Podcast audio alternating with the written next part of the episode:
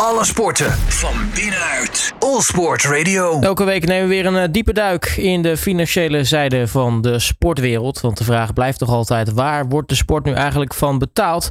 Nou, iemand die zich daar uh, helemaal mee bezig, dat is uh, sportmarketeer Frank van der Walbaken. Frank, hele goedemiddag. Goedemiddag, Robert. Um, ja, allereerst uh, misschien een klein terugblikje naar de afgelopen speelronde in de eredivisie. Want nou ja, daaraan kun je toch zien dat het, het heugelijke feit blijft dat budgetten in de sport niet alles zeggen. Nee, we weten allemaal natuurlijk dat met geld kan je goede spelers kopen en met goede spelers kan je winnen. Maar dat is het mooie van de sport. Als we de afgelopen weekend bekijken in de Eredivisie, dan speelde Vitesse met een budget van 25 miljoen tegen Herenveen met een budget van 18 miljoen. En Herenveen won, notabene ook nog eens bij Vitesse thuis, met 4-0. Uh, hetzelfde geldt voor de FC Emmen, weer gepromoveerd naar de Eredivisie, met een karig tussen aanhalingstekens budget van 9 miljoen. Ze moest spelen tegen FC Utrecht met een budget van 25 miljoen. En FC Emmen met 3-2. Fortuna Sittard met een, uh, een, budget van 11 miljoen, dus ook bescheiden, die net ook alweer hun trainer-coach hebben ontslagen, uh, moest thuis spelen tegen SC Cambuur uit Leeuwarden met een budget van 9 miljoen, dus 2 miljoen minder. En Cambuur wist toch maar even met 4-1 te winnen in Sittard. Nou, dat zijn leuke ontwikkelingen. Uh, je kunt ook daar nog aan toevoegen weliswaar niet met een winst, maar God Sparta met een 13 miljoen budget tegen Ajax met een 160 miljoen budget. En Ajax wint met heel veel moeite met 1-0. En hetzelfde geldt eigenlijk voor RKC met een budget van 8 miljoen jaarlijks. Uh, moest thuis spelen tegen Feyenoord met een budget van 80 miljoen, dus 10 keer zoveel. En Feyenoord wist ook met veel moeite te winnen met 1-0. Nou, dat zijn uh, nogmaals tekenen waarin uh, het, het heerlijke, de heerlijke constatering kan worden gemaakt dat geld niet alles is. En laten we dat in godsnaam proberen zo te houden.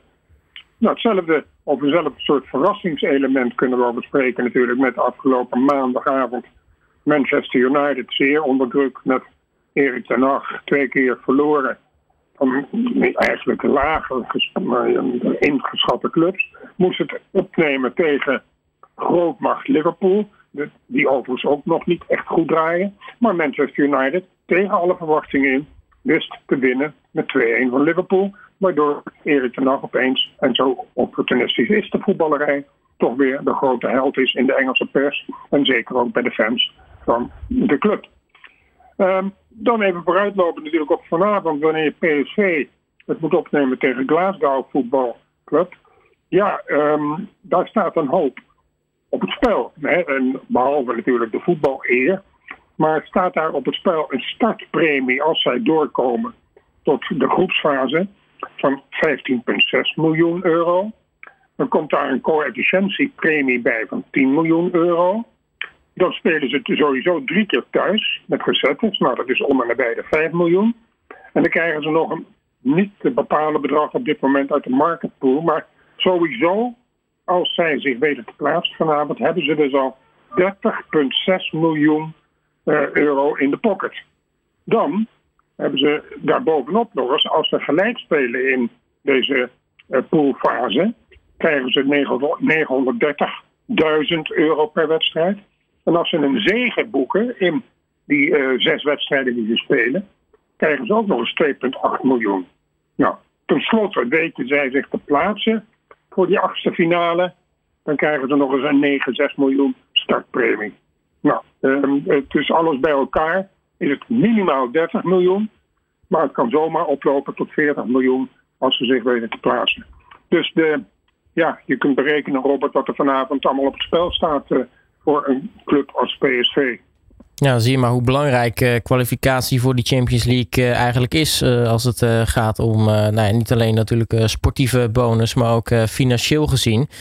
want dat kun je natuurlijk weer steken in nou ja, bijvoorbeeld nieuwe spelers. want als we het daarover hebben, hoe zit het eigenlijk met de gemiddelde salaris in de Eredivisie? Ja, inderdaad. Hè. Nu we het toch hebben over geld verdienen in het voetbal. maar iets waarover ik over zo'n uur kan praten. Maar heeft een uitstapje naar onze Eredivisie ook wel zin. Want dan naar de salarissen van de individuele spelers. In het jaar 2020, 2021 uh, steeg het gemiddelde salaris in de Eredivisie naar ruim 324.000 euro per speler dus. Een jaar eerder, 2019, 2020, ging het om 309.000 euro. Uh, de stijging is niet alleen opvallend omdat het maar doorgaat, maar vooral ook opvallend omdat het plaatsvond in een coronajaar met lege stadions. Nou, de KNVB, Eredivisie, CV en clubs uh, luidden destijds de noodklok naar de spelers toe over financiële problemen. En er werd een beroep gedaan op de spelers om salaris in te leveren. Nou, dat blijkt dus nu eigenlijk een, een beetje ja, toneelspel te zijn geweest, want de salarissen stijgen. Nou, dat komt natuurlijk vooral, en dat weten niet, dat uh, een club als Ajax het salarisplatform heeft losgelaten. En daar worden salarissen betaald van ettelijke miljoenen per spelers. En dat krikt dat gemiddelde natuurlijk op. Maar desalniettemin, het is een, uh, toch een indicatie dat we geen medelijden moeten hebben, als we dat al hadden, uh, met de individuele spelers in de Eredivisie. Ja, we hadden het net al kort over uh, nou ja, wat PSV natuurlijk zou kunnen verdienen als ze zich plaatsen voor de Champions League. Nou, dat geldt, geldt natuurlijk niet alleen voor PSV als ze zich plaatsen. Dat geldt voor alle teams als ze zich plaatsen. Ja, dan vraag je af uh, waar komt dat geld nou eigenlijk vandaan? wat UEFA zo, met, zo aan de clubs kan geven bij de Champions League. nou, dat komt bijvoorbeeld uit deals die ze sluiten, zoals afgelopen deal met de VS voor een nieuw mediacontract. Want daar ging behoorlijk wat geld in om. Ja, we spreken tegenwoordig al niet meer over een miljoenenbal, wat vroeger gebruikelijk was als we het hadden over de Champions League. We spreken nu al over een miljardenbal. Eh, want dit seizoen met een totale prijzenpot van ruim 2 miljard. Um, die pot wordt gevuld door de sponsors natuurlijk, die min of meer aan de rij staan voor de Champions League. Maar de UEFA kan het toch wel hier uh, op de schouders kloppen voor een wijzelijk besluit dat het schaarste effect voor sponsors optimaal moet worden ingezet. Want dat leidt ertoe dat er nog meer interesse kan komen. En waardoor als er iemand afvalt, direct een ander klaarstaat met nog hogere bedragen. Maar hoe dan ook, de, grootste bron van inkomsten uh, is de, of zijn de mediarechten. Uh, waar ook ter wereld, je kunt de Champions League zien. En de vraag naar de beelden groeit nog steeds. En de concurrentie in landen voor die beelden groeit. En dat leidt natuurlijk weer tot een gevolg van prijzenopdrijving die de zenders moeten betalen. Ja, nu heeft die UEFA weer een nieuw zesjarige deal kunnen tekenen met Paramount en CBS. Voor de exclusieve Amerikaanse rechten, en dat geldt alleen voor Noord-Amerika, voor maar liefst anderhalf miljard dollar. Dus dat is 250 miljoen per jaar. Dit is een gigantisch bedrag, dat zal iedereen met me eens zijn. Maar het zegt er nog hoger als je beseft dat de huidige deal was voor minder dan de helft, namelijk 100 miljoen per jaar. Dus die stijging is in één keer niet 100%, maar 125%. Nou, dat, uh, en ik ben er nog steeds van overtuigd dat het plafond nog niet is bereikt. Gezien de populariteit van voetbal die nog altijd blijft groeien. Frank, als we het hebben over uh, lange huwelijken in uh, de sport, dan zijn dat er inmiddels niet zo gek veel meer. Maar een van die zeldzame succesvolle huwelijken is die tussen Bayern München en Deutsche Telekom. En het goede nieuws daarvan is, is dat zij voorlopig nog even samen blijven. Ja, het is eigenlijk, kan je wel zeggen, de Duitsers wel toevertrouwd. En zeker Bayern München. En dat is toch een club die absoluut meedraait in de wereldtop. Maar er is eigenlijk altijd relatieve rust. Ze, ze, regelen hun zaakjes goed grondig. Het Duitse Grundligheid. Want uh, ze zijn gelukkig getrouwd met elkaar. Natuurlijk kwam al in, tot stand in 2002. Hè, dus exact 20 jaar geleden.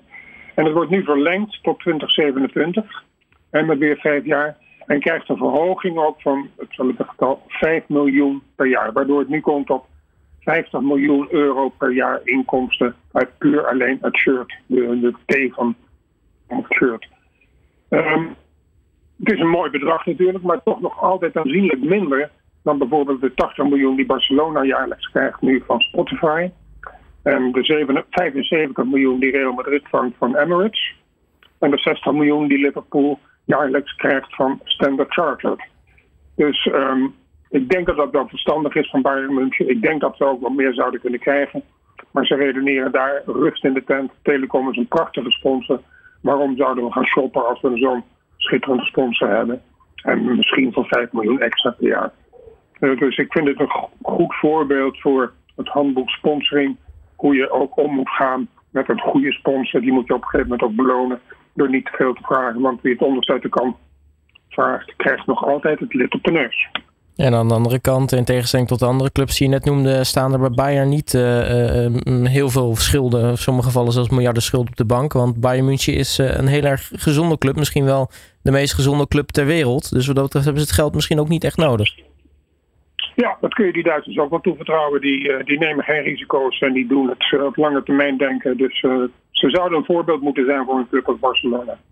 Ja, dan uh, Manchester United. Uh, als we het dan toch hebben over uh, FC Barcelona.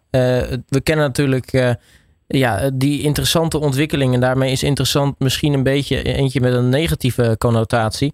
Het, ja, de ontwikkeling, het verkopen van toekomstige inkomsten. en Manchester United lijkt nu een beetje datzelfde te gaan doen. Ja, je zou zeggen dat wat slechte voorbeeld van Barcelona, althans in de ogen van velen, inclusief mijzelf, dat zou geen navolging moeten krijgen. Maar het zegt wel voor de voetbalwereld dat het nu lijkt navolging te krijgen. Want uh, uh, in navolging op wat Barcelona allemaal heeft gedaan met de pogingen die anderhalf miljard schulden op te lossen, zijn er nu opeens meer vergelijkbare acties gaande. Dus de vele zullen nog geruchten zelf zijn, maar in navolging van wat Barcelona deed, 25% van de media-inkomsten voor de komende 25 jaar verkopen voor 500 miljoen. Dat klinkt allemaal prachtig, maar uh, ja, jij eet wel je toekomstige gelden nu al op. Uh, nu ligt er bij Manchester United een bod op tafel voor een vergelijkbare deal, maar waarin een nader te bepalen miljoenenbedrag, bedragen zijn nog niet genoemd, zal worden betaald voor ook een deel van de toekomstige media-inkomsten. Ook het percentage daarvan is niet genoemd. Maar het is wel serieus, want de club wordt geconfronteerd met een uh, 20 miljoen pond, oh, sorry, 200 miljoen pond kostende verbouwing van het stadion, die al in gang is gezet. En de opbouw van de nieuwe trainingscampus uh, in Manchester, in navolging van grote concurrent Manchester City, die daar de meest geavanceerde en beste trainingsfaciliteiten hebben. Uh, het stadion eh, van Old Trafford uh, zou worden uitgebreid naar 90.000 capaciteit. Nou, willen die die verbouwing is gaande, dus die 200 miljoen moet worden betaald. En die hebben ze niet. En de Glazer-familie, uh, wel bekend waar we het zo nog even over zullen hebben, uh, die wil dat niet ophoesten. Dus wordt de club min of meer gedwongen om ook zo'n deal aan te gaan met Barcelona. Nou ja, ik, ik blijf het een zeer wankel, to say the least, beleid vinden. Um, overigens is de partij die dit aanbiedt, die, um, die voor die inkomsten is niet bekendgemaakt. Dus er hangen nog wel wat vraagtekens boven. Maar de club heeft wellicht geen andere keus. Ja, en daarnaast er zijn er ook nog eens een keer hardnekkige geruchten dat United te koop zou zijn. Ja, uh, dat krijg je natuurlijk misschien wel automatisch, omdat het op een gegeven moment heel erg slecht gaat. En de fans en de sponsors en alle andere betrokkenen zijn niet erg blij met de huidige eigenaar. Dat is die Amerikaanse Glazer-familie. Um, die weinig of geen interesse toont voor het voetbal en ook nauwelijks of nooit aanwezig is uh, op Old Trafford. Maar hoe dan ook, um, dat leidt dan tot een vrucht en dat is wel niet de eerste het beste, want uh, er heeft zich nu een potentiële koper gemeld en dat is niemand minder dan de miljardair Sir, Sir Jim Radcliffe. En dat is geen onbekende naam. Deze man, 69 jaar oud, um, is Engelands rijkste meneer. En is oprichter en eigenaar van het petrochemisch bedrijf Ineos. Nou, dat is algemeen bekend, want hij is reeds eigenaar van de gelijknamige wielerploeg. Het voormalige Skyploeg. Hij is nu eh, ook eigenaar van de League 1 club in Frankrijk, OGC Nice. Hij is uh, sponsor van de All Blacks rugbyploeg in Nieuw-Zeeland. Hij is 30% eigenaar en hoofdsponsor van het Mercedes Formule 1 team. En hij is sponsor voor 150 miljoen pond van een Britse boot in de America's Cup. En Ongetwijfeld vergeet ik nog een aantal zaken, want hij is erg enthousiast voor sport. Uh, eerder wilde hij overigens al Chelsea kopen, maar daar werd hij afgetroefd door de Amerikaan Todd Boehly. Maar uh, dat hij nu heel serieus is voor de club. En ik denk dat hij wel de nodige steun zal ontvangen van zeker van de fans en ook van de sponsors. Want hij toont aan dat hij niet alleen een sportliefhebber, maar ook een sportkenner is. Want we kunnen toch wel zeggen dat al die um, sponsordeals die hij heeft aangegaan tot nu toe in de sport uh, zijn vruchten hebben afgeworpen. En dat het uh, sportief gezien goed gaat met al die ploegen. Dus dit is een onderwerp dat ongetwijfeld zal worden vervolgd. Misschien krijgt het nu een, een status quo situatie doordat Erik ten Hag natuurlijk gewonnen heeft van Liverpool, waardoor het hele imago van de club opeens verandert en dan zou ik me niet verbazen dat ik lees dat familie opeens de prijs omhoog gaan gooien. Maar goed, hoe dan ook, dit wordt vervolgd, Robert. Ja, dan blijven we nog even in het uh, Engels voetbal. Want uh, EY uh, die heeft onderzoek gedaan naar de financiële status van het Engels voetbal. Ja, dus toch een gerenommeerd accountantskantoor, hè, EY, deed een onderzoek naar die financiële status. En het geeft aan dat 71% maar liefst van de clubs in de Premier League krijgen de status van very healthy. Dus zeer gezond. niet alleen maar gezond, maar zeer gezond. Eh, en dat was 29% in 2021. Dus het gaat daar heel erg goed. Nou, dat is natuurlijk niet verbazingwekkend.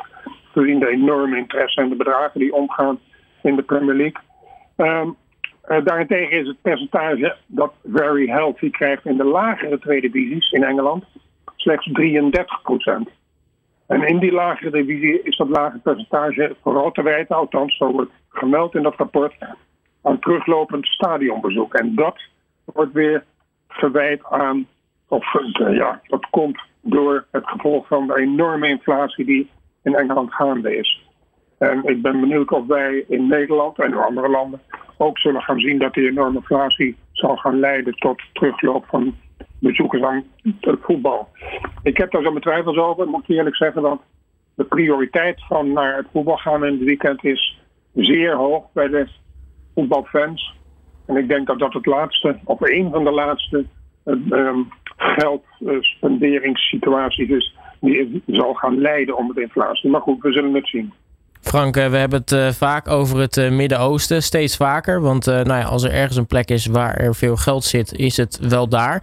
En ook vanwege het feit dat zij natuurlijk ontzettend veel in de sport willen investeren. Sterker nog, ze hebben volgens mij al het IOC uitgenodigd om eens een gesprekje te komen doen over het feit dat zij de Olympische Spelen of de Olympische Zomerspelen willen gaan organiseren.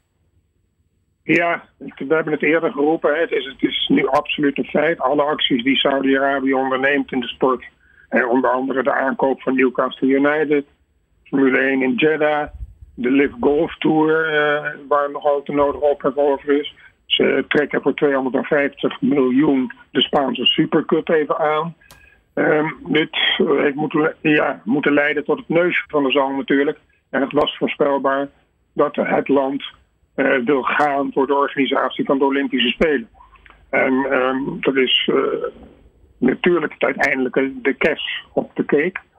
Um, het doel van de kroonprins Mohammed bin Salman, uh, die van Saudi-Arabië echt een sportland wil maken, omdat hij de, traditionele, zou ik bijna willen zeggen, geldbronnen ziet opdrogen van olie en gas. En dat er minder vraag naar zal komen vanuit de wereld. Dus het IOC is inderdaad uitgenodigd om te komen praten. Nou, het IOC kennen, zullen ze zeker op gesprek gaan. Maar ze zullen zich wel moeten realiseren dat ze uh, openstaan voor. Uh, zichzelf zullen openzetten voor kritiek, zoals nu gaande is en afgelopen jaren gaande is voor het WK voetbal in Qatar. Zal dat hetzelfde ongetwijfeld uh, gaan plaatsvinden voor de Olympische Spelen in Saudi-Arabië. Nu is het wel zo dat we praten pas op, op zijn vroegst voor 2036. Want voor die tijd zijn de Spelen al vergeven. Dus uh, het is afwachten geblazen, maar dat het zou komen, dat was te voorspellen. Dan uh, Bernie Ecclestone, natuurlijk de voormalige eigenaar van het hele Formule 1-circus. Uh, ja, die schijnt toch een paar dingen te hebben gedaan die niet eigenlijk echt mogen, om het maar zo te zeggen. Want hij heeft een aantal rechtszaken aan zijn broek hangen. Ja, hij heeft zijn Formule 1-cirkels in de tijd verkocht voor 9 miljard aan Liberty Media. dus de man zwemt in het geld als een soort Dagobert Duck. Maar deze meneer um, Ecclestone heeft in de rechtbank ontkend, want hij stond voor de rechtbank, dat hij schuldig is aan een miljoenen fraude. Want Um, in Londen was die eerste zitting in de zaak tegen de 91-jarige, moet je nagaan, uh, 91-jarige Brit. Uh, hij is aangeklaagd voor het niet opgeven van ongeveer 400 miljoen pond aan overzeese bezittingen. En om de, aangifte betreft dan de Britse Belastingdienst. Uh, diezelfde Ecclestone werd in 2014 overigens in Duitsland al aangeklaagd voor omkoping. Hij zou smeergeld hebben betaald aan een Duitse bankier die een aandelentransactie voor hem moest uh, gaan begeleiden en moest regelen. En de, de Brit uh, duidelijk schuldig dus, want hij heeft destijds de rechtszaak afgekocht en daarmee een mogelijke celstraf voor maar liefst 75 miljoen euro. Nou, als je dat gaat betalen om iets af te kopen, dan ben je natuurlijk hartstikke schuldig. Dus het zou me niks verbazen als hij nu ook schuldig gaat worden verklaard in Engeland. En dan kan die ook weer de cel ingaan. Nou, dat is uh, geen goed nieuws voor meneer Ecclestone. Hoe rijk je ook mogen zijn, je wordt toch op een gegeven moment geconfronteerd met de waarheid. Ja, uiteindelijk uh, achterhaalt de waarheid altijd uh, de, de leugen. Uh, dan gaan we naar het, het vrouwenvoetbal. Want interessant toch wel. de maker van de winnende goal van Engeland op het EK vrouwenvoetbal. namelijk mevrouw Kelly. Die heeft een, een mooie persoonlijke deal gesloten met een toch ook mooie sponsor. Ja, zoals te voorspellen viel was natuurlijk Engeland helemaal in rep en roer in positieve zin des woords van de winst op Duitsland in de finale van het recente EK op Engelse bodem. En uh, ja, die mevrouw Kelly scoorde inderdaad de winnende goal. Nou, dan ben je natuurlijk een enorme held. En de sponsors staan voor haar in de rij. Um, en ze heeft nu een eerste, uh, wat ze schijnt erg voorzichtig te zijn, althans haar management, met het tekenen van contracten. En de eerste is getekend en het is een 2 miljoen pond per jaar contract met uh, Land Rover. Nou, dat vind ik toch niet echt een vrouwenauto, maar desalniettemin. Uh, Land Rover wilde haar graag hebben. En ze heeft daarmee het Global Ambassadorship kunnen opeisen, of dat krijgen ze toebedeeld. En dat is voor het aardige bedrag van 2 miljoen pond. Dus het vrouwenvoetbal zit behoorlijk in de lift, dat wisten we al. En nu krijgen ook de individuele spelers kunnen daar de vruchten van gaan plukken. En dat is natuurlijk terecht. Ja, aan de andere kant is het natuurlijk wel een groot Engels merk. Dus wat dat betreft past dat er natuurlijk wel bij als ze dan zo'n icoon uit het Engelse vrouwenvoetbal sponsoren. Ja, maar je zou toch eerder verwachten dat de eerste die ze zou tekenen iets meer in de vrouwensfeer zat, in de vrouwenproducten. En nogmaals, dat vind ik Land Rover vind ik dan niet echt een vrouwenauto. Dan had je misschien een ander automerk voor ogen gehad. Nou ja, Range Rover. Maar goed, dat, dat is natuurlijk onderdeel van Land Rover. Maar goed, dat, uh, dat, dat dan terzijde. Uh, uh, tot slot, een mooie innovatie dicht bij huis. want er schijnt een, een Nederlands bedrijf te zijn die reclameborden maakt. waar nou ja, toch behoorlijk leuke dingen mee gebeuren. Ja, ik vind innovatie in de sport, er wordt vaak veel over gesproken. Maar het wordt dan nog niet echt 100% aangetoond. En dat vind ik wel een hele goede zaak. En als er sprake is van innovatie in de sport, dan is het voor de atleten en terecht natuurlijk. Maar hier is een bedrijf en dat heet Green Boarding Network. En voor mij een nieuw bedrijf, ik ken het ook niet. Maar zij eh, claimen, en dat hebben ze intussen ook al bewezen, dat ze digitale reclameborden leveren, die naast natuurlijk reclame, maar ook zonne-energie opwekken en de lucht zuiveren van stikstof. Nou, dat zijn wel twee uh, zeer belangrijke elementen. En ze staan inmiddels al bij 40 amateurvoetbalclubs en het werkt. Dus uh, dit vind ik een zeer interessante ontwikkeling. Niet alleen uh, kan het iets zijn voor Nederland en voor de eredivisieclubs natuurlijk. Maar het kan ook iets zijn wat internationaal zich zou kunnen ontwikkelen. Dus hier kan ik alleen maar voor applaudisseren. En ik hoop van harte voor dat bedrijf dat het echt waarheid blijkt te zijn en dat het gaat lukken. Want dan is dat een prachtige uh, extra toevoeging voor de belangrijkheid van sport in onze samenleving. Nou, dat was hem ook weer uh, voor uh, deze aflevering. Uh, Frank, mag ik je hartelijk danken voor je tijd en spreek je natuurlijk snel weer. Snel weer. Oké, okay, Robert. Tot ziens. Alle sporten van binnenuit. All Sport Radio.